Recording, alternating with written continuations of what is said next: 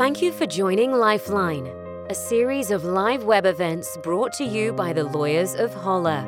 The coronavirus outbreak has had a major impact on practically every organization and business. As the spread of the COVID 19 pandemic continues, business leaders struggle with questions like How do I protect my employees? Or How do I ensure the continued service to my customers? And how do I minimize the risks that threaten the continuity of my organization? This series is intended to keep the leaders of businesses and public organizations up to speed with vital legal know how and to help them identify and effectively deal with the most urgent risks. Welcome to this latest edition of Lifeline.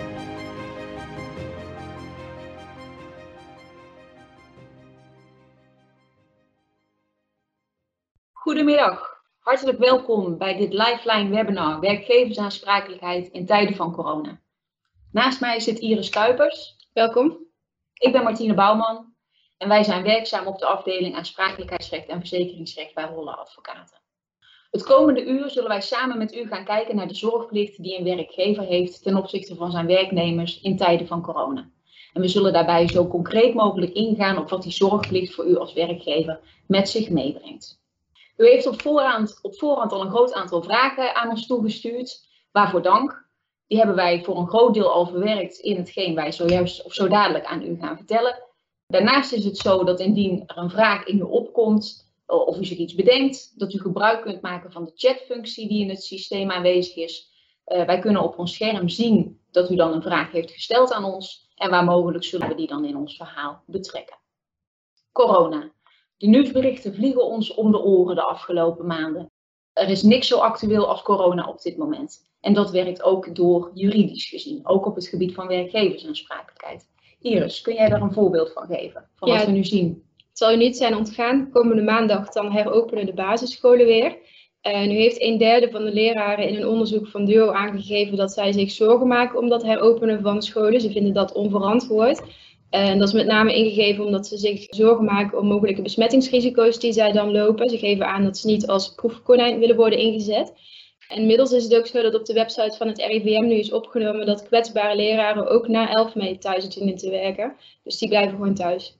We hebben natuurlijk ook gezien vorige week, dat toen is door het RIVM bekendgemaakt dat er op dat moment reeds 14.000 uh, zorgmedewerkers besmet zijn geraakt met corona.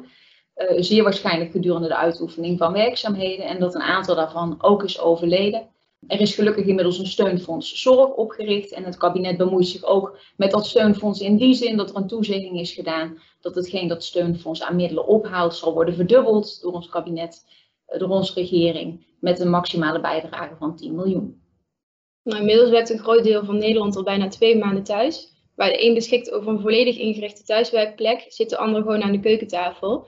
En het zal dan ook niet verbazen dat ongeveer een vierde van die thuiswerkers nu heeft aangegeven dat ze op dit moment rug- en nekklachten ervaren. En tot slot, vers van de pers, gisteren bekendgemaakt.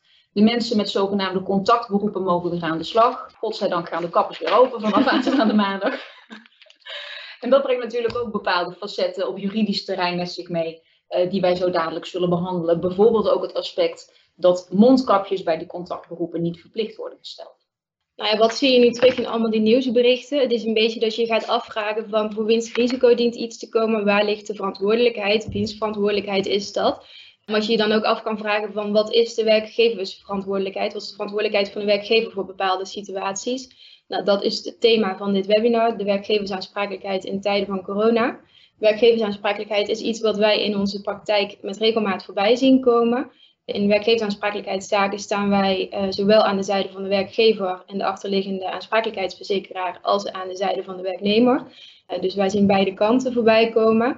Uh, dus het is echt een onderwerp wat op onze praktijk is toegespitst. Maar wat wij ook wel een beetje zagen in de vragen die bij aanmelding werden gesteld, is dat er ook een overlap is met het arbeidsrecht. Wat ook heel logisch is, met name wat betreft het aspect thuiswerken. Want die verplichtingen van de werkgever die worden mede aan de hand van arbeidsrechtelijke regelgeving ook ingekleurd. En als het ware vormt dat een ondergrens van bepaalde aspecten waaraan de werkgever dient te voldoen. Zodoende hebben wij met behulp van de specialisten van onze business unit arbeidsrecht, hebben wij ook uh, in dit webinar de arbeidsrechtelijke aspecten belicht. maar in de hoofdzaak ziet het webinar wel echt op de aansprakelijkheidsrechtelijke aspecten. Nou, wat gaan wij vandaag met jullie behandelen? Allereerst zullen we algemeen ingaan op de werkgeversaansprakelijkheid. Dus uh, een beetje de basis, hoe zit dat uh, en hoe gaat dat in zijn werk? Vervolgens zullen we dan inzoomen op twee deelgebieden. Dus aan de ene kant de thuiswerkplek en aan de andere kant de werkvloer. Wat betreft de thuiswerkplek dient u met name te denken aan het voorkomen van beroepsziekten en dan specifiek uh, RSI-klachten bij de werknemer. Wat betreft de werkvloer, dan zal het echt heel uh, corona-gerelateerd zijn. Dus hoe voorkomt u dat een medewerker op de werkvloer een coronabesmetting oploopt?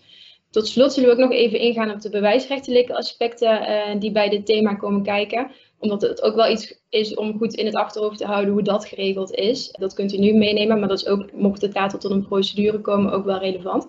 Nou, wat proberen wij met dit webinar te bereiken? Allereerst vinden we het fijn wanneer we u bepaalde inzichten kunnen meegeven. Dus dat dat helder op het netvlies is gebrand hoe bepaalde aspecten zijn geregeld. Vervolgens vinden we het ook fijn wanneer we in dit webinar, en zo proberen om dat zoveel mogelijk te doen, uh, u concrete tools, handvatten kunnen verschaffen. Uh, zodat u vervolgens ook in de praktijk daadwerkelijk aan de slag kunt gaan. Ja, en dan eerst even terug naar de basis. Op grond van 7658 BW heeft de werkgever een zorgplicht ten opzichte van zijn werknemers. Meer concreet houdt die zorgplicht in dat de werkgever ervoor dient te zorgen dat de werknemer zich in een veilige en gezonde werkomgeving begeeft op het moment dat hij werkzaamheden aan het verrichten is.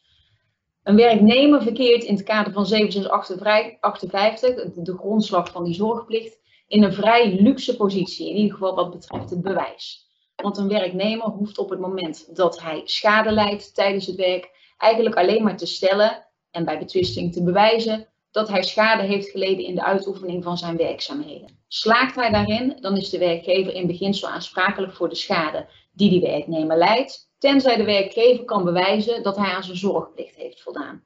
Nou, in de praktijk, zo is ons de afgelopen jaren uh, gebleken tijdens de vele procedures die wij op dit terrein hebben gevoerd, is dat voor een werkgever lastig om te bewijzen dat hij aan die zorgplicht heeft voldaan.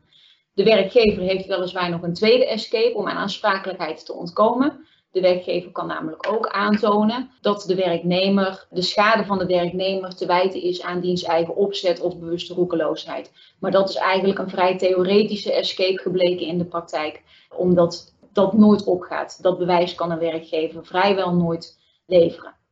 Nou, dat brengt de terechte vraag die wij op voorhand van u hebben gekregen met zich mee. Is werkgeversaansprakelijkheid een risicoaansprakelijkheid? Iris, kun jij daarop ingaan? Ja. Ja, dat is ook echt wel een logische vraag. In dat verband is van belang dat uh, die zorgplicht die op de werkgever rust, dat dat een inspanningsverplichting is uh, en geen resultaatverplichting. Concreet vertaald betekent dat dat van een werkgever niet wordt verlangd dat hij alle gevaren, alle risico's tot nihil verkleint. Dus dat maakt dat het geen risicoaansprakelijkheid is, maar echt een schuldaansprakelijkheid. Ik gaf zojuist al aan dat ik dat wel een logische vraag vind. En dat komt omdat Ondanks dat de Hoge Raad meermaals heeft overwogen dat het niet de bedoeling is dat met die zorgplicht een absolute waarborg wordt geschept tegen bepaalde gevaren, dat het in de praktijk zo is dat niet snel wordt aangenomen dat een werkgever aan zijn zorgplicht heeft voldaan. Die zorgplicht die wordt heel ruim uitgelegd en de lat voor de werkgever om aan die zorgplicht te voldoen, die ligt dan ook echt wel heel hoog. En ik kan me ook wel voorstellen dat u dan zoiets heeft van ja, maar hoezo is dat? Waar komt dat vandaan? Nou, de ratio achter die strenge zorgplicht is met name gelegen in de zeggenschap en de invloed die de werkgever heeft op de arbeidsomstandigheden en daarmee ook de daadwerkelijke preventie van schade. Dat maakt ook dat op het moment dat zo'n werknemer zich op een locatie bevindt die aan die zeggenschap is ontrokken, dat dat ook invloed heeft op de wijze waarop die zorgplicht wordt ingekleurd. Die zorgplicht die wordt ingekleurd aan de hand van alle omstandigheden van het geval, dus dat zijn dan ook aspecten die je meeneemt. En wat ons betreft is het dan ook zo dat je ook in die afweging dan ook de huidige coronapandemie kan laten meewegen. Dan een klein uitstapje naar het verzekeringsrechtelijke aspect van het thema dat wij vandaag behandelen. We hebben van u op voorhand de vraag gekregen of op het moment dat u een aansprakelijkstelling ontvangt van een werknemer. En inderdaad, het zo blijkt te zijn dat u aansprakelijk bent voor de schade die wordt geleden als gevolg van RSI-klachten verband houden met thuiswerken of bijvoorbeeld het oplopen van een coronabesmetting op de werkvloer of dat u daar dan voor verzekerd bent. En wij kunnen ons heel goed voorstellen dat u zich dat afvraagt, want de schade kan natuurlijk behoorlijk oplopen in dit soort gevallen. En dan is het goed om te weten of dat je daar een vangnet voor hebt als werkgever. Nou, in beginsel is het zo dat de aansprakelijkheid van de werkgever voor de schade die de werknemer in de uitoefening van werkzaamheden leidt, gedekt is onder de bedrijfsaansprakelijkheidsverzekering, onder de AVB. En dat zal in principe ook zo zijn voor de schade die de werknemer leidt, Bijvoorbeeld als gevolg van het oplopen van RSI-klachten bij thuiswerken of bij het oplopen van corona op de werkvloer. Wij hebben uh, verschillende polissen bekeken, met name van de wat grotere verzekeringsmaatschappijen met het oog op dit webinar. En wij zijn geen verzekeringspolissen tegengekomen waarin zich een uitsluiting bevindt voor schade die het gevolg is van een pandemie. Dus vooralsnog kunt u ervan uitgaan dat u daarvoor verzekerd bent. Om het helemaal zeker te weten is het uiteraard goed om even te raden te gaan bij uw assurantietussenpersoon of bij uw verzekeringsmaatschappij. Want dan weet u gewoon 100% zeker waar u aan toe bent. Let wel op bij het afsluiten van een nieuwe verzekering. Er gaan op dit moment best wel wat geluiden op in de media op basis waarvan wij het vermoeden krijgen dat verzekeringsmaatschappijen dit soort schadegevallen in de toekomst wel eens zouden kunnen gaan uitsluiten. Uh, dus op het moment dat u toe bent aan een verlenging van uw AVB-verzekering, eh, bijvoorbeeld ergens in het komende jaar, dan is het goed om dat even in gedachten te houden. Daarnaast is het van belang dat verzekeraars in sommige gevallen een unblock-clausule opnemen in de polisvoorwaarden. Dat is een clausule die het voor de verzekeringsmaatschappij mogelijk maakt om de dekking tussentijds, dus gedurende de looptijd van de verzekeringsovereenkomst, te wijzigen. En dat kan dus, en daarvoor is die clausule uiteraard ook in het leven geroepen, in uw nadeel zijn in die zin dat u op tot een bepaald moment wel dekkingen heeft voor schade als gevolg van corona, heel kort uh, door de borst gezegd, en op een later moment dus niet meer. Op het moment dat de verzekeringsmaatschappij gebruik wil maken van die unblock clausule en dus tussentijds wil bedingen dat schade als gevolg van een coronabesmetting niet langer uh, gedekt is onder de AVB, dan zal die verzekeringsmaatschappij daar wel een belangenafweging aan vooraf moeten laten gaan. Hij zal dan dus zich moeten afvragen of dat het redelijk is dat die dekking tussentijds gewijzigd wordt. En over het algemeen is het zo dat dat het geval is op het moment dat de financiële consequenties voor een verzekeringsmaatschappij niet meer te overzien zijn op het moment dat de dekking geboden moet worden. Onder die omstandigheden mag die verzekeringsmaatschappij dus tussentijds tot wijziging door uh, overgaan. Van belang is nog wel dat dat uiteraard aan u gecommuniceerd moet worden en dat de verzekeringsmaatschappij u daarbij in de gelegenheid moet stellen om de verzekeringsovereenkomst ook tussentijds op te zeggen. Of u daadwerkelijk iets gaat hebben aan deze opstegmogelijkheid, is de vraag. Want op het moment dat verzekeringsmaatschappijen deze unblock clausule zullen gaan toepassen en de dekking tussentijds gaan wijzigen, dan zal dat zeer waarschijnlijk door de meeste verzekeringsmaatschappijen gaan gebeuren. Dus het zal dan lastig worden om bij een andere verzekeringsmaatschappij alsnog die gewenste dekking te verkrijgen. Dus wees daarop alert. Nou, hiermee sluiten we de algemene basis af en zoomen we verder in op de werkgeversaansprakelijkheid voor de thuiswerkplek. Het zou niet zijn ontgaan. Op 9 maart heeft minister-president Rutte werkgevers opgeroepen om werknemers zoveel als mogelijk uh, thuis te laten werken. Nou, inmiddels zijn we twee maanden verder en werkt een groot deel van Nederland vanuit thuis. Ook bij Holle Advocaten werken wij zoveel als mogelijk vanuit de thuiswerkplek. En dat nieuwe werken dat brengt ook wel wat onduidelijkheid met zich mee. Dat zagen wij op zich ook wel bij de vragen die werden gesteld uh, of bij de aanmelding voor dit webinar. Uh, dus de vraag van ja, waar ligt mijn verantwoordelijkheid als werkgever en waar houdt die verantwoordelijkheid voor mij als werkgever op? Nou ja, die verantwoordelijkheid die eindigt in ieder geval niet bij de deuren van het kantoorpand. U bent als werkgever ook verantwoordelijk voor de thuiswerkers, de thuiswerkplek en de ergonomische inrichting daarvan. Dus wat dat betreft, meer specifiek genomen, kan dan van u als werkgever ook worden verwacht dat u rekening houdt met die inrichting en dat u ervoor waakt dat werknemers eh, bij het uitvoeren van die werkzaamheden op de thuiswerkplek RSI-klachten ontwikkelen. Nou, ik had het al even aangegeven bij de inleiding, er zit wat overlap met het arbeidsrecht en daar komen we nu aan toe.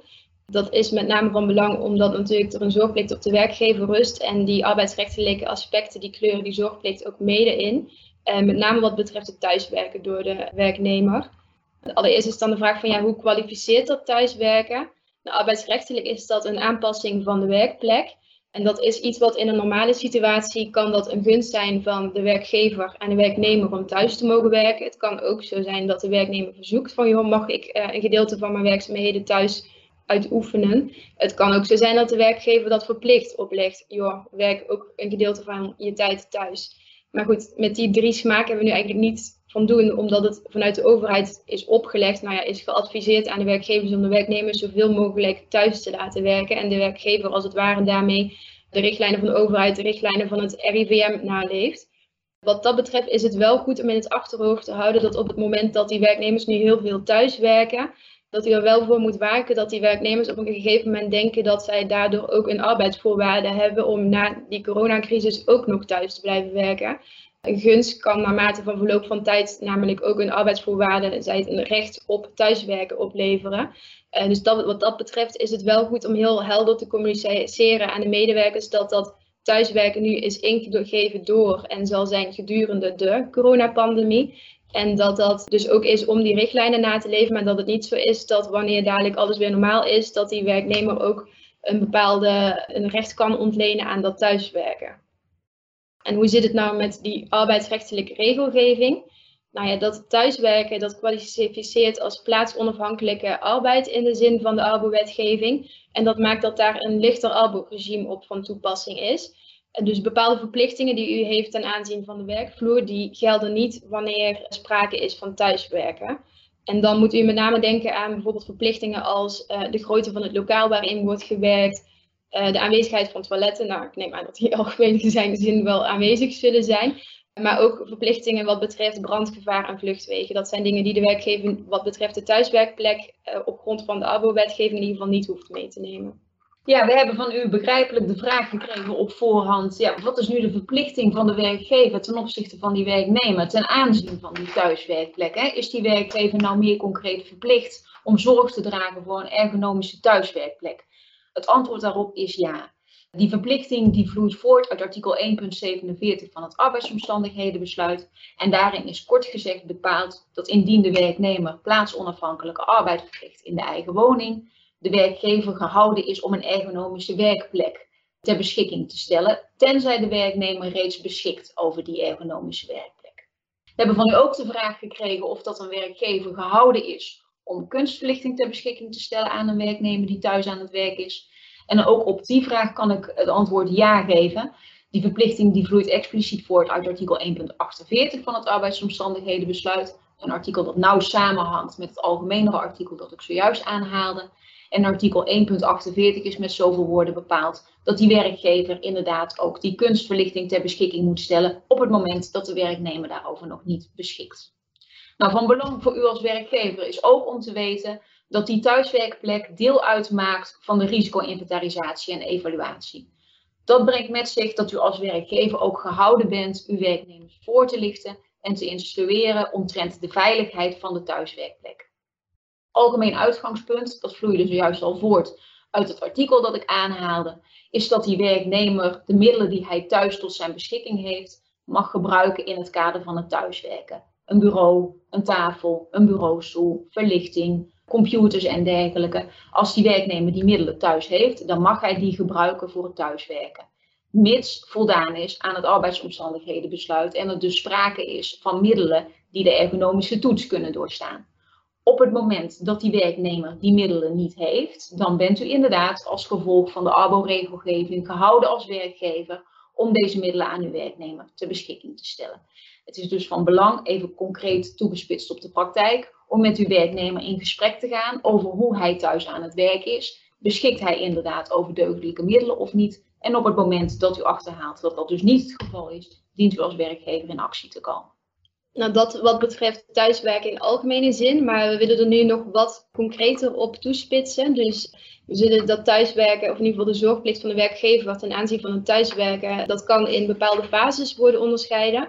Daarbij hebben we de fase van het informeren, de fase van het instrueren, vervolgens het waar nodig faciliteren en vervolgens ook het controleren. Nou ja, ten eerste dat informeren. Op de werkvloer heeft een werkgever een heel concreet beeld van hoe die arbeidsomstandigheden er nou, hoe die zijn. Maar wat betreft de thuiswerkplek is dat natuurlijk niet duidelijk en niet inzichtelijk voor de werkgever. En in dat verband is het wel belangrijk dat een werkgever wel moeite doet om erachter te komen wat die situatie is. Nou, wanneer de omvang van het bedrijf dat toelaat, zou je bijvoorbeeld een mailtje aan de werknemers kunnen richten uh, waarin je vraagt van joh, lukt het allemaal dat thuiswerken? Hoe is het met de werkdruk? En wat dat betreft is het ook wel goed om uh, de vinger aan de pols te houden wat betreft het mogelijke ontwikkelen van klachten door werknemers. En dat maakt ook dat je dan vervolgens ook daarvoor de werkgever of de werknemer dient te beschermen door bepaalde instructies aan die werknemer te geven en dat ook herhaaldelijk te doen. Duidelijke instructies over de specifieke eisen waaraan de werkplek moet voldoen. Die dien je dan aan de werknemer te communiceren. En concreet genomen zou dat ook bijvoorbeeld kunnen door een mailtje aan de werknemers te richten Ik heb zelf even gegoogeld naar wat zou dan gestuurd kunnen worden aan die werknemers. En op de website van Arbonet, dus www.arbonet.nl, daar staat een hele duidelijke thuiswerkinstructie. En die is wat mij betreft één op één kan die worden toegezonden aan de werknemers. Ja, wat staat zoal in die uh, thuiswerkinstructie? Daar staat hoe je die thuiswerkplek heel goed kan inrichten. Dus welke stoel, uh, hoe moet je de laptop plaatsen, de lichtinval. En wat betreft die laptop ook heel concreet. Werk je met een laptop, plaats hem dan op een schoendoos en uh, werk met een los toetsenbord. Nou, dat maakt al echt een, best wel veel verschil. Nou, er staan ook bijvoorbeeld rek- en strekoefeningen in. En er wordt ook bijvoorbeeld gewezen op het belang van het maken van gewone werkdagen. Ja, het kan heel schools aanvoelen, maar het is wel goed om de werknemer daarop te wijzen. En wat ik net al zei, ook herhaaldelijk daarop te wijzen. En vervolgens is het ook mogelijk om een uh, online werkplekcheck aan te bieden door een ergonoom. Uh, en daarmee pak je eigenlijk die meerdere fases samen, want op zich die ergonoom die zal ook informeren naar de situatie. Dus hoe zit de werknemer uh, erbij? Die zal vervolgens ook instrueren, aangeven van wat kan anders, hoe kan je beter werken. En dat brengt ons ook tot de volgende fase, het faciliteren. Die ergonoom zal vervolgens ook constateren wat anders moet en dat bij de werkgever neerleggen. Ja, stap 3 inderdaad, het faciliteren door een werkgever. Op basis van de informatie die een werkgever krijgt van de werknemer ten aanzien van de thuiswerkplek. En op basis van de instructies die gegeven zijn en waarbij de werkgever moet nagaan of dat die ook worden nageleefd. Krijgt de werkgever natuurlijk best wel wat informatie over de thuiswerksituatie van die werknemer. Op het moment dat die werkgever op de hoogte is uh, van de omstandigheid dat de werknemer beschikt over een werkplek die dus niet voldoet aan de ARBO-regelgeving, dan dient die werkgever dus in actie te komen. Dus bij concrete kennis, of als je op het moment dat je geacht wordt bekend te zijn met iets, dan moet je iets gaan doen als werkgever. Ja, ik zie hier een vraag binnenkomen over de invloed van de deur nu van de coronacrisis op de verantwoordelijkheid van de werkgever voor de thuiswerkplek. Ik weet niet of jij daar iets over kan vertellen. Ja, dat is inderdaad een element dat een rol speelt in uh, dit verband. De duur van de thuiswerksituatie. Op het moment dat er incidenteel thuisgewerkt wordt, bijvoorbeeld iemand heeft een afspraak buiten de deur en gaat omdat het wat praktischer is voor de laatste uurtjes naar huis om daar nog wat mailtjes weg te werken. Of iemand doet in de avonduren nog eens iets. In zo'n situatie is sprake van incidenteel thuiswerken. En dat is een thuiswerksituatie die strikt genomen niet onder de ARBO-regelgeving valt. Nou, van die situatie, of met die situatie hebben we in coronatijden uh, niet te maken. We hebben nu te maken met de situatie waarbij grote groepen mensen nou, vrijwel structureel thuis aan het werken zijn.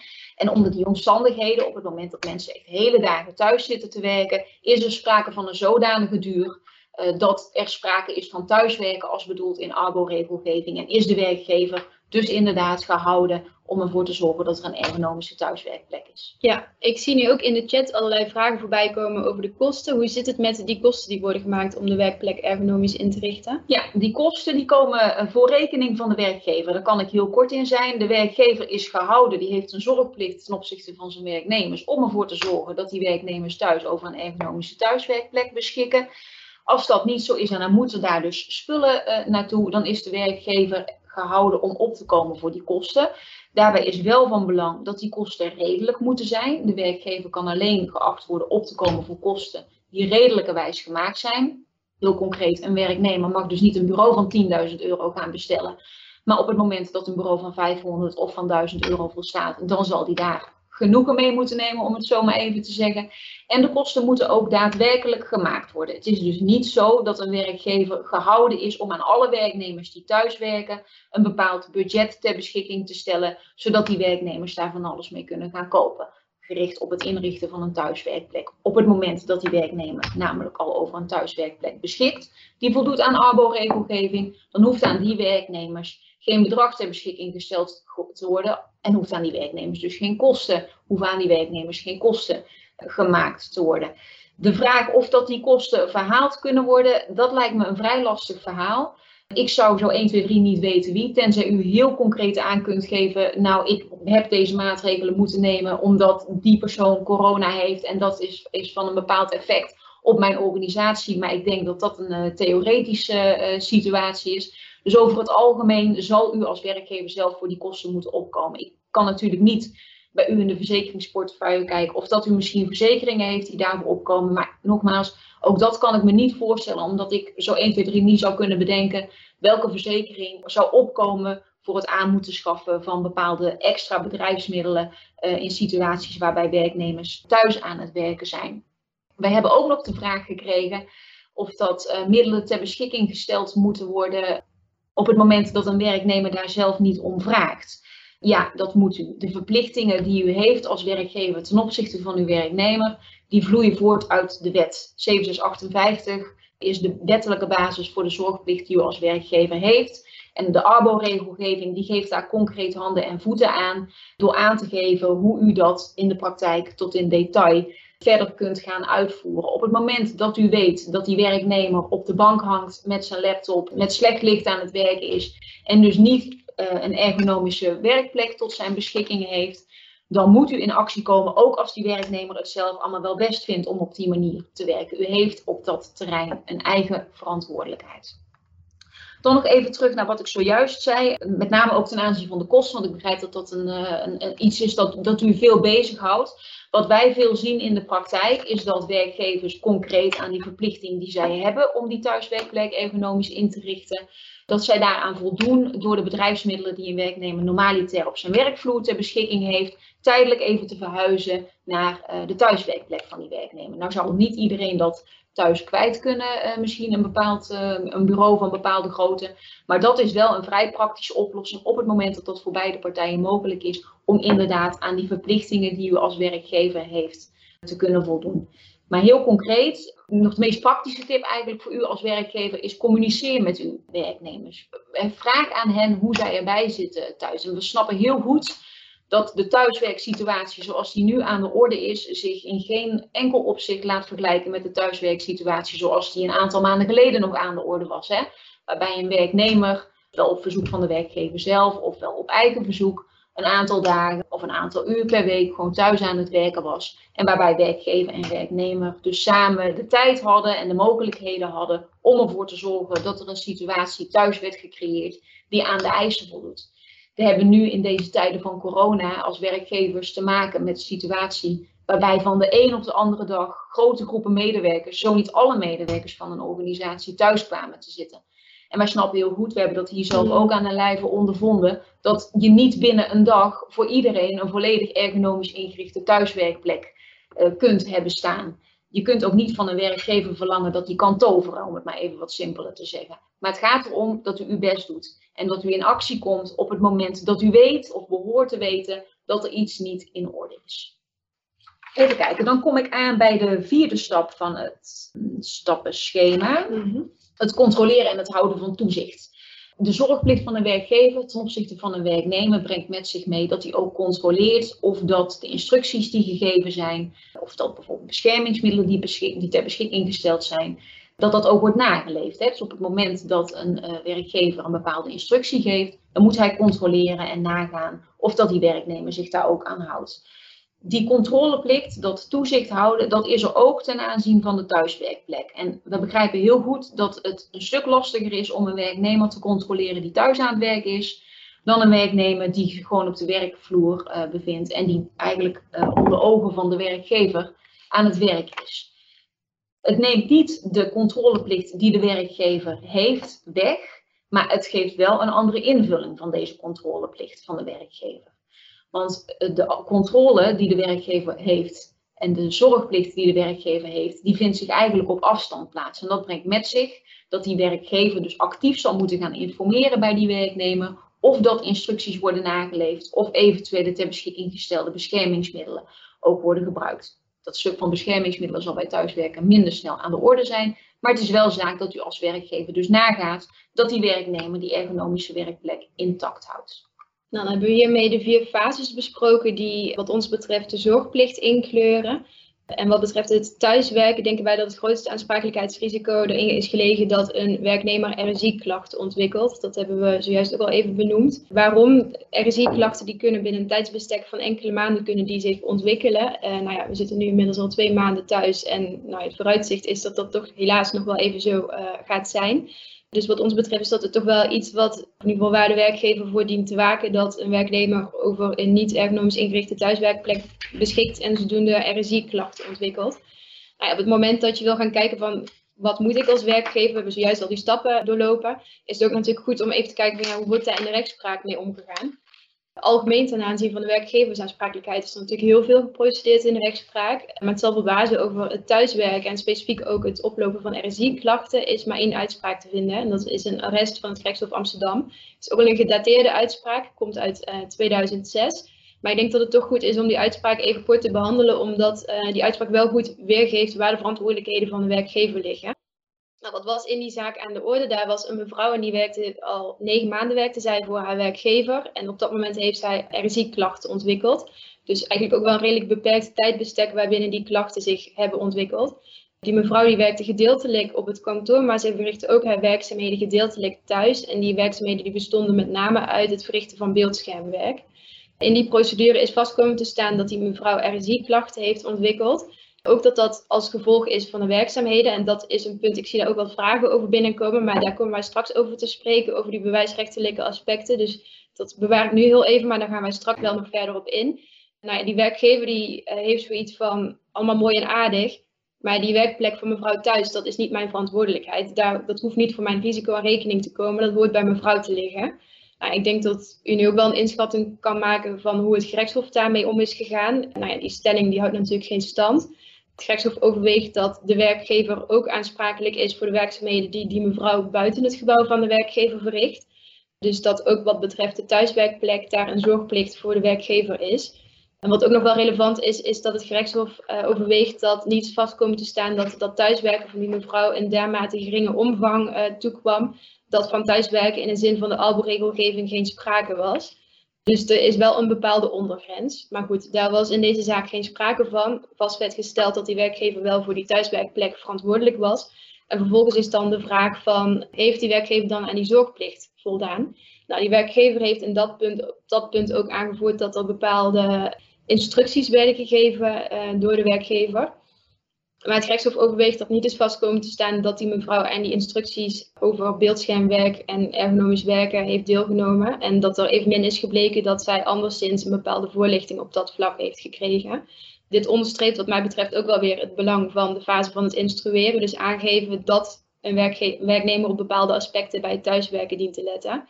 En wat vervolgens dan overweegt het rechtshof dat ook al zou zijn vastkomen te staan dat die mevrouw aan die instructie had deelgenomen en dat tijdens die instructie ook aandacht zou zijn besteed aan dat thuiswerken, verantwoord thuiswerken, dat dat ook niet maakt dat een werkgever dan aan zijn zorgplichtenzaken heeft voldaan. Uh, het gerechtshof overweegt dan dat een eenmalige instructie in dat verband onvoldoende is. Uh, nou ja, dat onderstreept weer het belang van het herhaaldelijk informeren. Dus één keer informeren is niet voldoende. Je moet echt die werknemers er herhaaldelijk op wijzen dat zij bepaalde dingen, uh, dat ze daarop moeten letten. Nou ja, en vervolgens dan gaat het gerechtshof ook even kijken naar ja, wat heeft die werkgever dan echt gedaan ten aanzien van die werkplek van die mevrouw. Nou, de werkgever die had wel een laptop ter beschikking gesteld. Maar de overige aspecten, dus de bureau, eh, de stoel, daar had de werkgever niet iets aan mevrouw verstrekt. Mevrouw had zelf een bureaustoel aangeschaft, dus dat is op zich wel goed. Het punt was dat mevrouw van een oude deur haar eh, bureau had gemaakt. Nou ja, dat is natuurlijk helemaal niet ergonomisch verantwoord. En dat komt dan volgens het gerechtshof voor rekening van de werkgever. De werkgever heeft in die procedure ook nog gezegd van ja, maar ik wist niet dat mevrouw een bureau had gemaakt van een oude deur. Dat had mevrouw wel even moeten aangeven dan. En daar zegt het gerechtshof van op het moment dat al vast zou komen te staan dat die mevrouw eigenlijk wel had moeten aangeven dat dat de situatie was, dan ontslaat het de werkgever nog niet van zijn zorgplicht. En uh, die zorgplicht die staat ook voorop.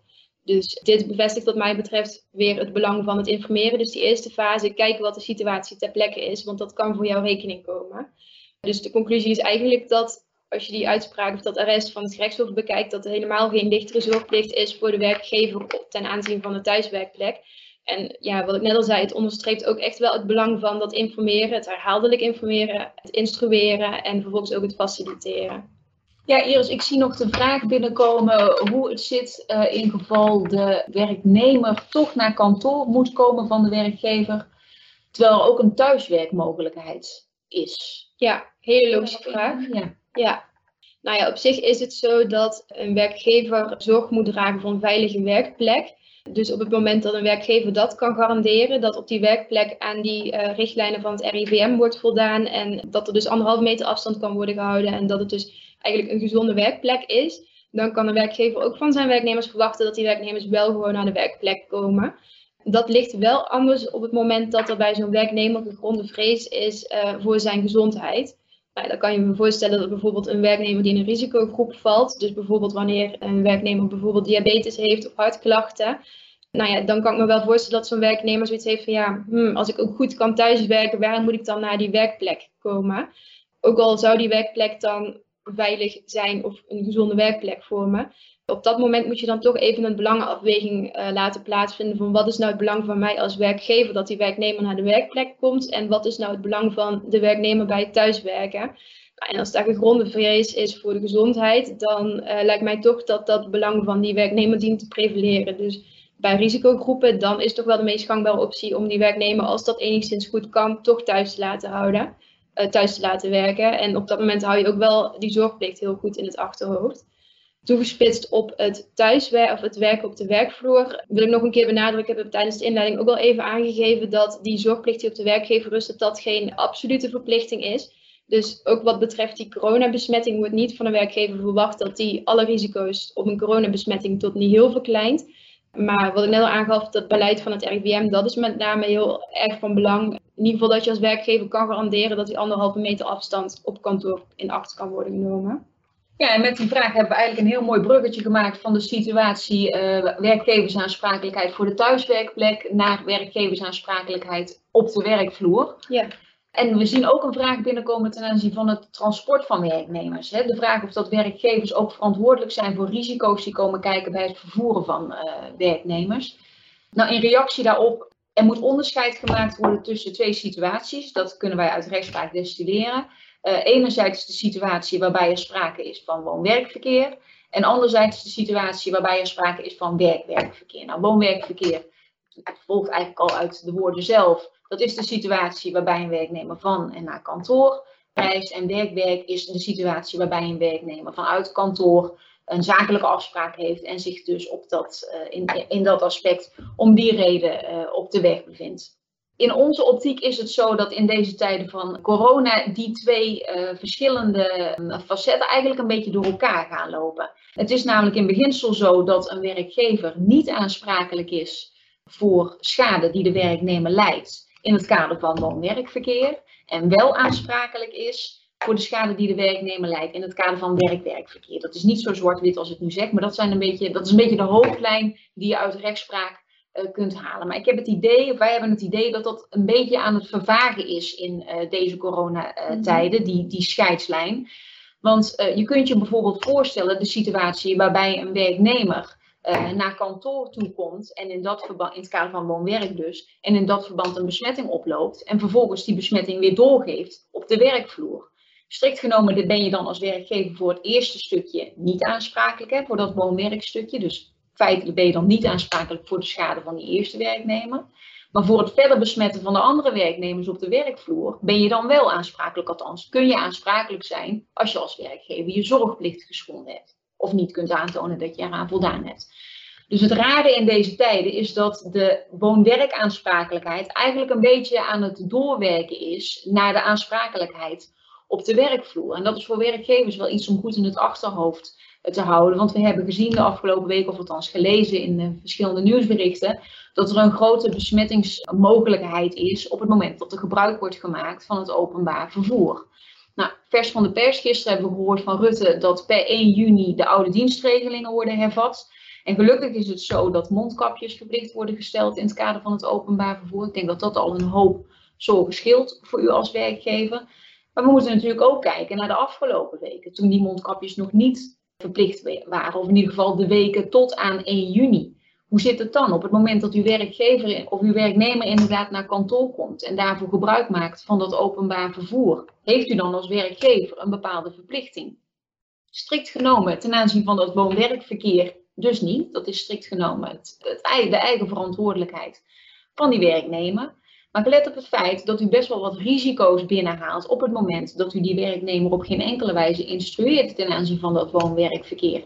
Doordat die werknemer een besmetting zou kunnen oplopen en misschien wel de overige werknemers op de werkvloer zou kunnen besmetten, denken wij dat u hier als werkgever toch iets zou moeten doen.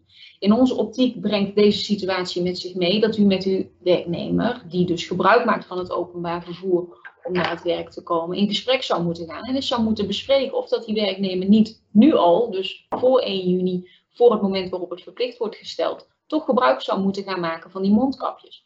Die verplichting die geldt natuurlijk helemaal op het moment dat er sprake is van werk-werkverkeer. Want dan bent u in beginsel sowieso aansprakelijk voor de schade die de werknemer leidt tijdens het vervoer. Dus onze tip aan u op dit punt is: bespreek dat met uw werknemers. En wees ook niet bang om aan die werknemer op te leggen dat hij gebruik maakt van zo'n mondkapje. Helemaal nu het toch verplicht gesteld gaat worden per 1 juni, is die drempel voor mensen om dat te gaan gebruiken waarschijnlijk toch kleiner aan het worden. Dus van die mogelijkheid kunt u nu ook makkelijker gebruik maken in onze ogen. En dat zou u dus ook moeten doen. Wat betreft het thuiswerken hebben we onderscheid gemaakt tussen een aantal fases. Die fases die zijn ook van belang voor het werken op de werkvloer, het veilig werken op de werkvloer. Namelijk het, instrueren, het informeren, instrueren, faciliteren en controleren. Wat betreft dat informeren, daar komt een wat kleinere rol uh, aan toe wat betreft het werken op de werkvloer, omdat dat natuurlijk inzichtelijk is. Bij het thuiswerken was dat niet het geval, maar op het moment dat de werknemers gewoon op de werkvloer verschijnen, is dat een heel ander verhaal. De rol van het instrueren, dat blijft wel nog echt wel nou ja, van groot belang om dat goed te doen. En wat ik eerder ook al aangaf, ook om dat herhaaldelijk te doen. Uh, en wat dat betreft, wij weten allemaal dat we nu anderhalve meter tot elkaar aan moeten houden. Dat is eigenlijk voor elke Nederlander geldt dat. En eigenlijk mag je aannemen dat dat voor iedereen bekend is. Maar desondanks doet u er wel goed aan als werkgever om uw werknemer daar expliciet op te wijzen. Dat kan soms een beetje schools aanvoelen. Maar toch is het echt goed om bijvoorbeeld een mailtje aan de werknemers te richten en daar dan te wijzen op die anderhalve meter, maar vraag bijvoorbeeld ook aandacht voor het belang van persoonlijke hygiëne. Ook niet onbelangrijk. Heeft er weer voor te gelden dat het soms een beetje schools aan eh, voelt, maar toch is het goed ook voor papierwerk dat het op papier staat. In dat verband wil ik u wel graag verwijzen naar de WHO handwasinstructie. Dat is een heel duidelijk documentje. Kunt u gewoon op internet uh, googlen WHO handwasinstructie. Uh, voeg dat desnoods als bijlage aan zo'n mailtje toe. Maar ook heel andere concrete aspecten, als bijvoorbeeld het gebruik van de liften, wijst erop dat uh, mocht er een lift aanwezig zijn, dat, daar maar, dat het maar toegestaan is om daar met twee personen in plaats te nemen. Het motiveren dat mensen de trap pakken. Dat soort praktische dingen. Maar wat je bijvoorbeeld ook kan doen, is uh, naast het mailen van de werknemers een mededeling ophangen in het kantoor, op prominente plekken in het kantoor. Dus bijvoorbeeld bij de ingang, de lunchruimtes, de toiletten waar wasbakken zijn nou ja, en daar kan je bijvoorbeeld ook weer die WHO-handwasinstructie ophangen. Dus op die wijze kan je wel heel concreet medewerkers bepaalde risico's wijzen. Ja, en ook hier speelt het faciliteren door de werkgever natuurlijk weer een belangrijke rol. De werkgever die moet ervoor zorgen dat de werknemer zijn werkzaamheden kan verrichten in lijn met wat Iris zojuist besprak. En heel concreet zou de werkvloer dus moeten worden ingericht op die anderhalve meter samenleving. Uh, wij begrijpen dat het onder omstandigheden wellicht niet mogelijk is op het moment dat de werkplek uh, relatief klein is en er best wel wat mensen op die werkvloer normaal gesproken rondlopen, dan zal het lastig zijn. Maar het is toch zaak om daar als werkgever een concreet beleid op uh, toe te spitsen. Op het moment dat het inderdaad zo is dat het lastig is om de werkplek vol te hebben met alle medewerkers, met inachtneming van die anderhalve meter, raden wij u aan om een schema te maken op basis waarvan dus met kleinere groepen mensen op de werkvloer gewerkt wordt. Dus bijvoorbeeld in shifts. De ene dag komt het ene deel van de werknemers naar kantoor en de andere dag het andere deel. En het overige deel blijft vooralsnog gewoon thuiswerken. Faciliteren brengt ook met zich dat er maatregelen getroffen moeten worden in het kader van die hygiëne, zojuist al besproken door Iris. Zorg ervoor dat er inderdaad desinfecterende zeep, desinfecterende handgel is. Uh, zorg ook dat uh, contactelementen binnen de kantoororganisatie met enige regelmaat gereinigd worden. En ook, en dit is denk ik een relevante, medegelet op wat er gisteren is besloten, of althans gisteren is bekendgemaakt door Rutte ten aanzien van die contactberoepen, stel beschermingsmiddelen ter beschikking. Het is van belang voor u als werkgever om te weten dat op het moment dat u aan het RIVM-beleid voldoet, dat niet met zich brengt automatisch dat u aan uw zorgplicht heeft voldaan als werkgever. U moet het RIVM-beleid in dat kader eigenlijk zien als een soort van, nou ja, als een soort van minimale uh, richtlijn die u in acht heeft te nemen. Uh, maar uw verplichting, uw zorgplicht, uit hoofde van 7658, die kan eenvoudigweg meer met zich brengen dan het RIVM voorschrijft. En dat zou dus concreet met zich brengen, in mijn optiek, dat, in onze optiek, wij hebben daar natuurlijk naar gekeken, dat mensen met een contactberoep, die dus met veel mensen in aanraking komen gedurende hun werkdag, dat die in onze optiek meer beschermd zouden moeten worden dan het RIVM nu voorstaat. Hè? Dat je die dus inderdaad wel zou moeten voorzien van die mondkapjes ter bescherming van die werknemers. Ik dacht dat we hier net ook nog een vraag over gekregen.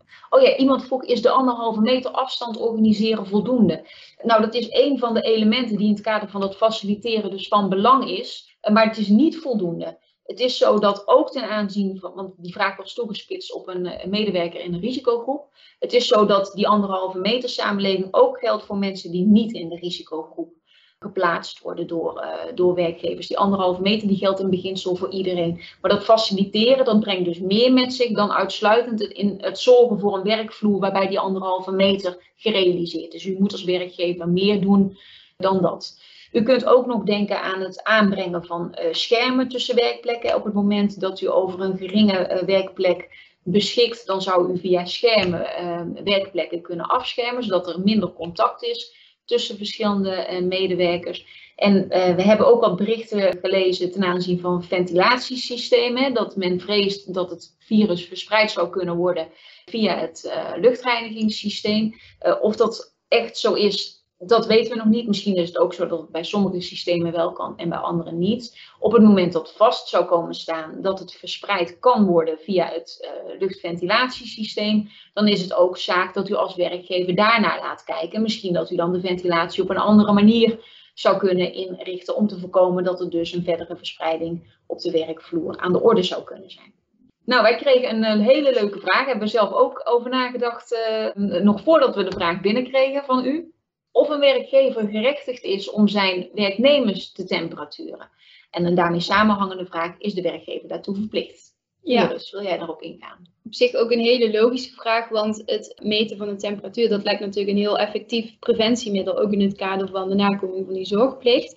Maar toch nog even wachten voordat u overgaat tot de aanschaf van bijvoorbeeld een koortsscanner brengt toch redelijk wat juridische implicaties met zich mee. Door het gebruik van of de temperaturen van werknemers kan namelijk de privacy in het gedrang komen.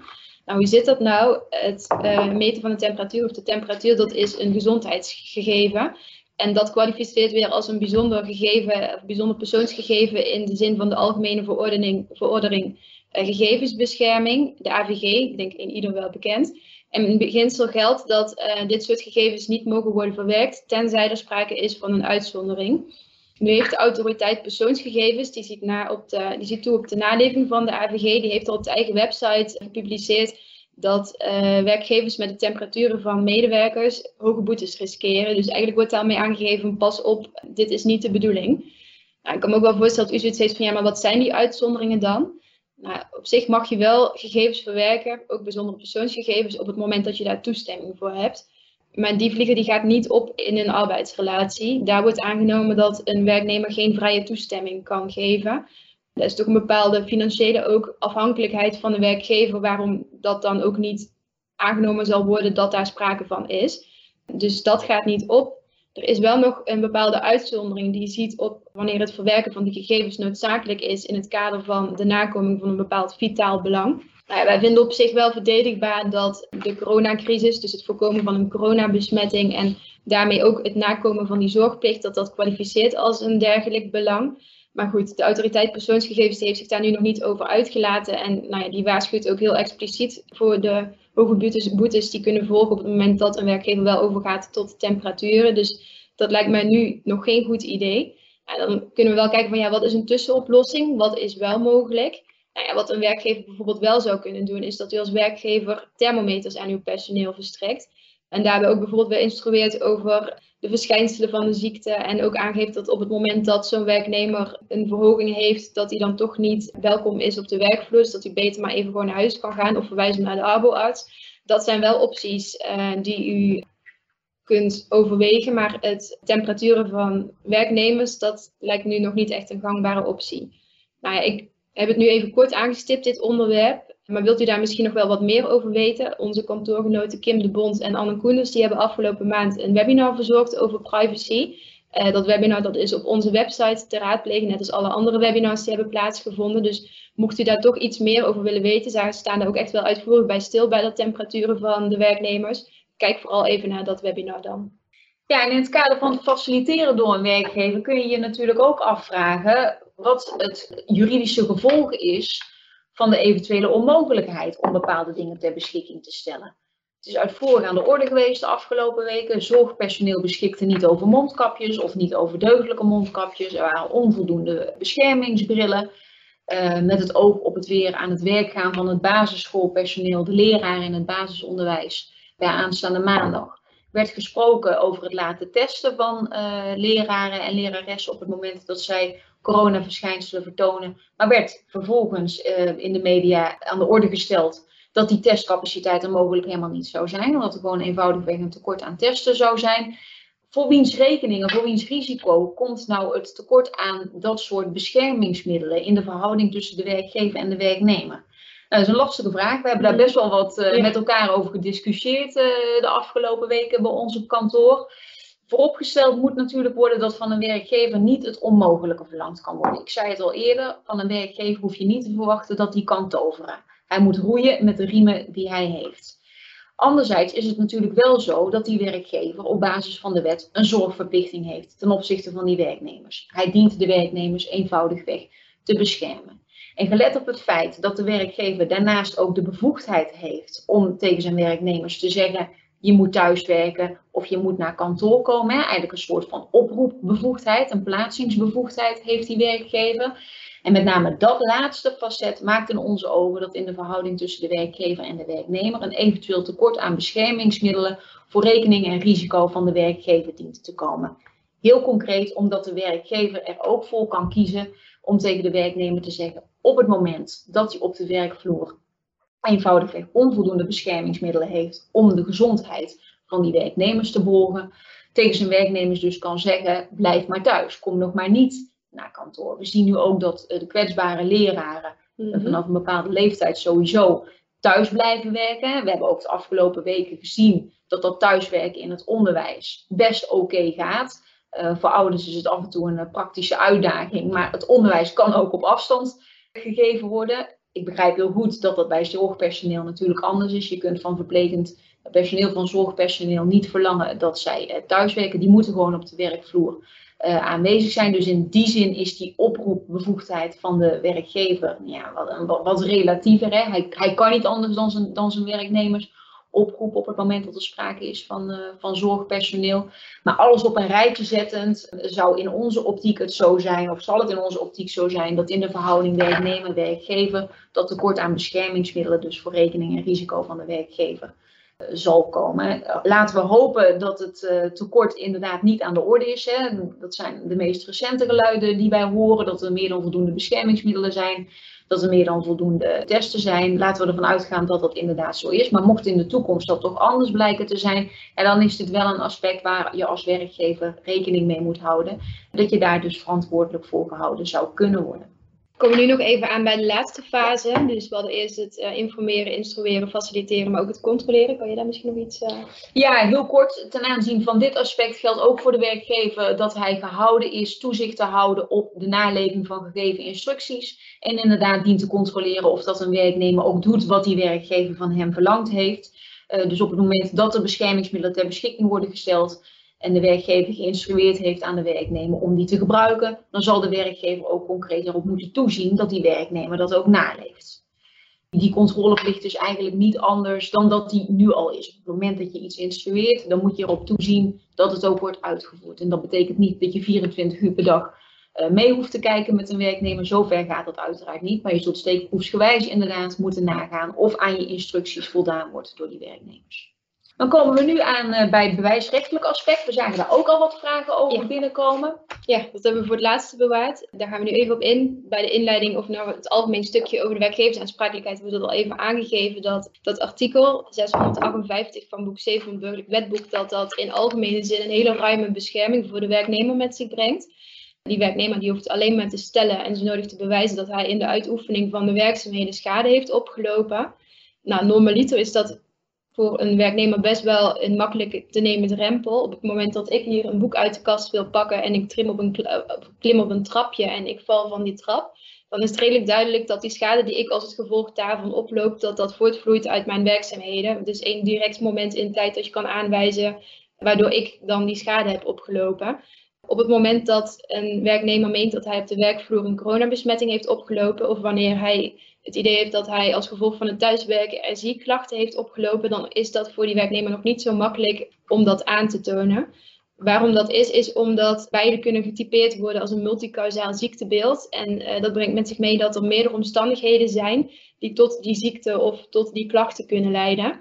Wat betreft een coronabesmetting is het namelijk zo dat dat kan gebeuren hier op kantoor. Maar het kan ook zijn dat ik straks boodschappen ga doen en dat ik daar word besmet. En dat is heel lastig om aan te tonen waar de besmetting nou precies heeft plaatsgevonden. En wat betreft RSI is het zo dat uit onderzoek is gebleken dat 10 tot 20 procent van de Nederlanders die RSI-klachten ervaren, dat die klachten van die mensen, dat dat niet kan worden teruggeleid tot de werkzaamheden. Dus daar heeft toch wel een andere oorzaak aan ten grondslag gelegen. Uh, waarschijnlijk een oorzaak die in de privéomstandigheden ligt. Dus hoe ga je dan als werknemer met RSI-klachten aantonen dat die RSI-klachten ook daadwerkelijk voortvloeien uit jouw werkzaamheden? Ja, dat is toch nog niet zo makkelijk voor een werknemer om die bewijsdrempel te nemen om te komen tot aansprakelijkheid. Maar pas daarna komt de zorgplicht ter. Dus dat is voor een werknemer toch best nog wel een lastige opgave om dat aan te kunnen tonen. Ja, we hebben in rechtspraak hebben we een ontwikkeling gezien op dat terrein die de werknemer tegemoet komt. Die staat bij ons bekend als de arbeidsrechtelijke omkeringsregel. Misschien dat die bij de juristen onder, bij de juristen onder u ook wel, eh, dat dat u ook wel wat zegt. Die arbeidsrechtelijke omkeringsregel is een bewijsrechtelijke tegemoetkoming aan de werknemer die in bewijsnood verkeert of in een lastige bewijspositie verkeert.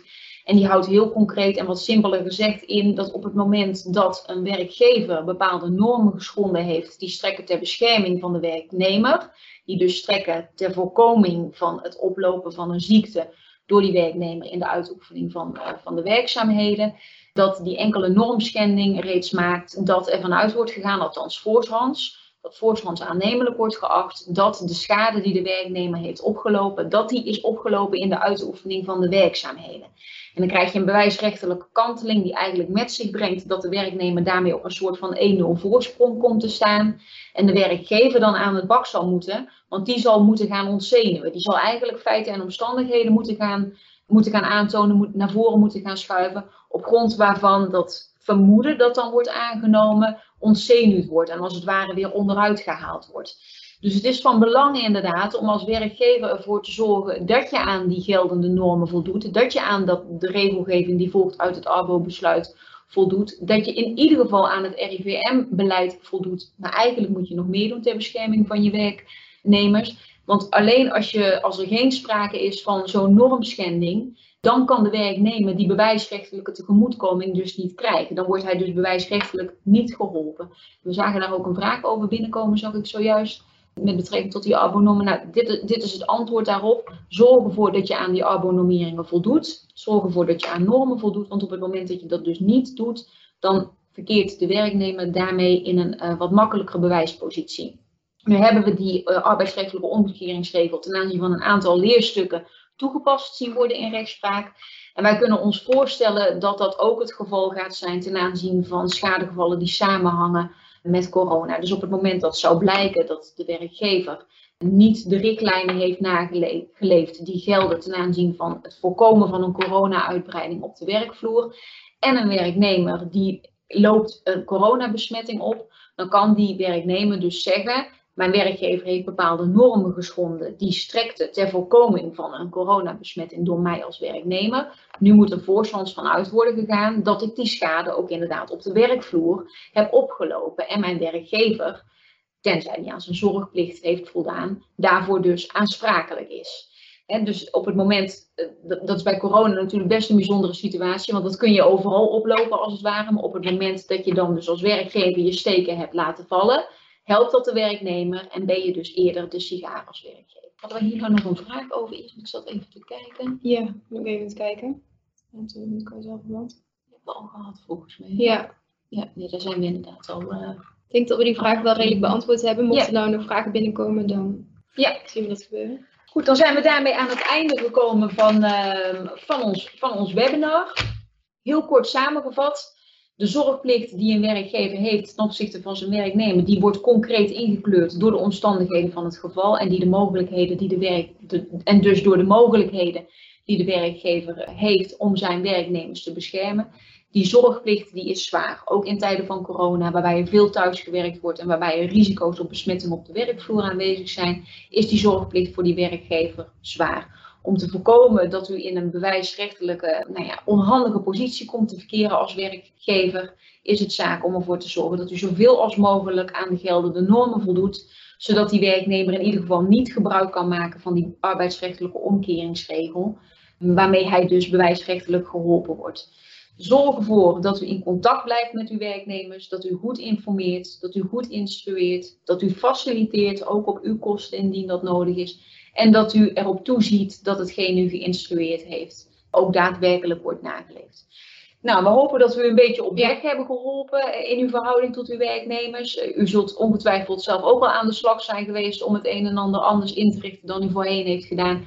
Maar wellicht dat we u eh, op deze manier nog een, eh, nog een extra duwtje in de goede richting hebben kunnen geven. Dat hopen we althans. Ja, mocht u nog vragen hebben naar aanleiding van voorstaande of mocht er nog dingen zijn die u met ons wilt bespreken, voelt u zich dan vrij om contact met ons op te nemen. U kunt onze contactgegevens terugvinden op de website en wij zijn natuurlijk uh, bereid om daar dan verder met u over van gedachten te wisselen. Ja, hartelijk dank voor uw aandacht en een fijne dag verder.